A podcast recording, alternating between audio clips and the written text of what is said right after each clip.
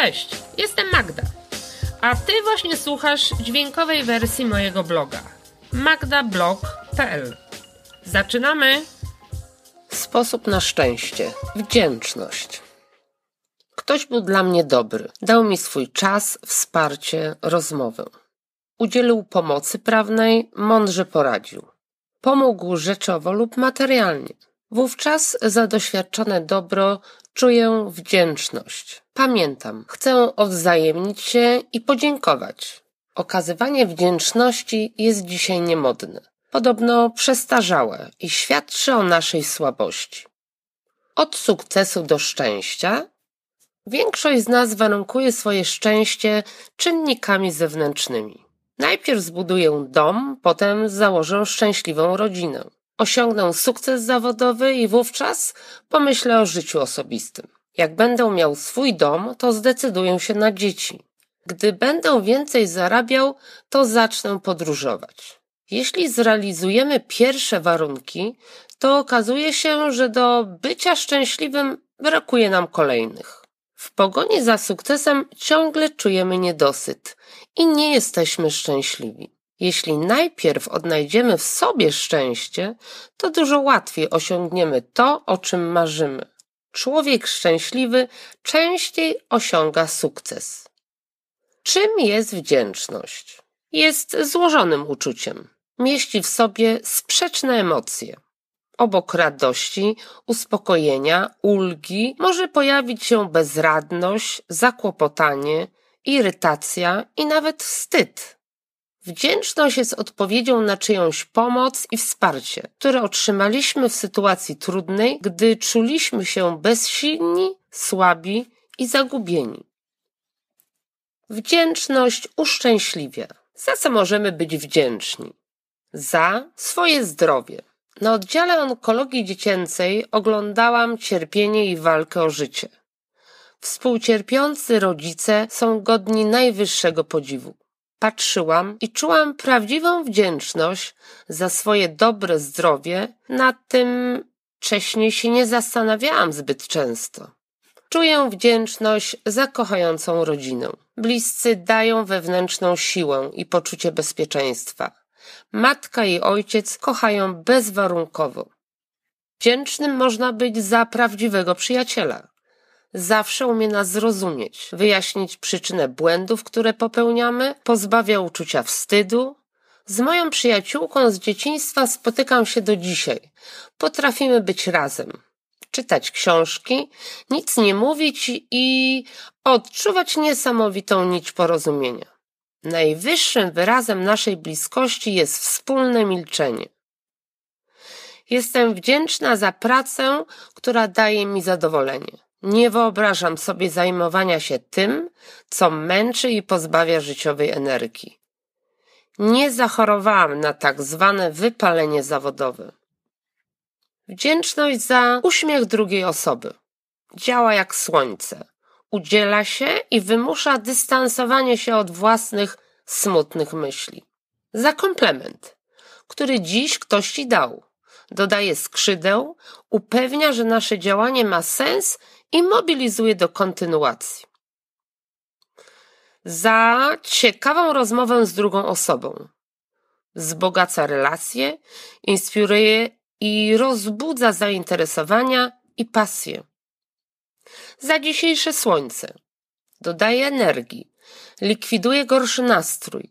Pod wpływem słońca nasz organizm sam produkuje witaminę D3, która jest ważna dla dobrego funkcjonowania układu kostnego, wzmacnia układ odpornościowy, zapobiega innymi chorobom nowotworowym.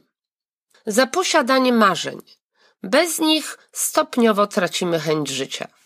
Nasze dni są do siebie coraz bardziej podobne. Ludzie, którzy mają marzenia i próbują je realizować, są młodzi duchem, bez względu na upływający czas. Tak myślałam podczas rozmowy z Aleksanderem Dobą, niesamowitym podróżnikiem. Wdzięcznym można być również za złe wydarzenia. otwierają nam oczy na to, czego wcześniej nie widzieliśmy. Pozwalają między innymi stanąć obok siebie i zobaczyć własną słabość i zgodę na złe traktowanie nas przez innych. Siła przyzwyczajenia jest ogromna. Musi wydarzyć się coś bardzo drastycznego, aby na przykład maltretowana kobieta odważyła się na obrodę swoich podstawowych praw. Dlatego w złych wydarzeniach można znaleźć również dobre i być za to wdzięcznym. Musi wydarzyć się coś bardzo drastycznego, aby na przykład maltretowana kobieta odważyła się na obronę swoich podstawowych praw. Dlatego w złych wydarzeniach można znaleźć również dobre i być za to wdzięcznym. Wdzięczność w relacji. Można być wdzięcznym sobie za to, co dokonaliśmy, co udało nam się przekroczyć. Byłam dumna i wdzięczna sobie za samozaparcie i systematyczny wysiłek przed moim pierwszym półmaratonem. Wcześniej nie uwierzyłabym, że to w ogóle możliwe. Częściej wdzięczność odbywa się w relacji, tworzy więzi. Kiedyś łatwiej ją okazywaliśmy, ponieważ więzi społeczne były silniejsze, były czymś naturalnym. Ludzie bardziej się nawzajem potrzebowali. Nie byli w stanie sami sobie wszystkiego zapewnić, na przykład pożywienia, opieki nad dziećmi. Wielu rzeczy nie można było kupić. Po swoją pierwszą pralkę automatyczną stałam w kolejce w 1986 roku kilka dni. Tworzono komitety kolejkowe i listy, na których co pewien czas należało się odhaczyć. Potrzebna była współpraca i pomoc innych. Dzisiaj sądzimy, że wszystko jest w naszych rękach. Wolimy być wdzięczni sobie próbujemy sami pokonywać życiowe przeszkody. Nie lubimy prosić o pomoc.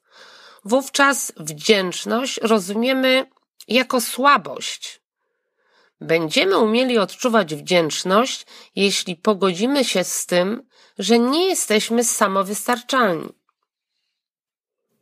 Wszystko nam się należy. Bierzemy, bo tak musi być. To nam się należy. Rodzice wspierają swoje dorosłe dzieci, odłożone pieniądze przeznaczają na zakup mieszkania, samochodu. Zamożni ludzie sponsorują imprezy kulturalne i sportowe, przeprowadza się zbiórkę pieniędzy na kosztowne, zagraniczne operacje ratujące życie. Hojność uczestników Wielkiej Orkiestry Świątecznej Pomocy porusza nawet przeciwników. Pomniejszamy zasługi ludzi, dzięki którym żyjemy w wolnym kraju, tak innym od tego, który pamiętam z dzieciństwa. W wydarzeniach przeszłości doszukujemy się drugiego dna i złych pobudek. Również szkolne rady rodziców dofinansowują żywienie, wyjazdy klasowe dzieci, które żyją w trudnych warunkach. Nauczyciel, organizując wycieczkę, decyduje się na to, że część poświęconego czasu jest jego nieodpłatną pracą. Na miejsce zbiórki podjeżdża samochód z rodzicem. Rodzic nie wysiada, otwiera okno i woła swoje dziecko. Część naszych darczyńców chce zachować anonimowość. Przyzwyczajamy się do brania. Szybko zapominamy. Dla potrzeb chwili zmieniamy historię, nie umiemy dziękować słowem, uśmiechem lub propozycją innej pomocy. Starsi, niedołężni rodzice bywają pozostawieni bez opieki własnych dzieci. Wypieramy uczucie wdzięczności. Może dlatego część z nas, pomimo życiowej stabilności, wciąż goni za szczęściem. Na dzisiaj tyle. Jeśli chcesz być na bieżąco, Zapraszam na mój Facebook, Instagram i blog. Do zobaczenia!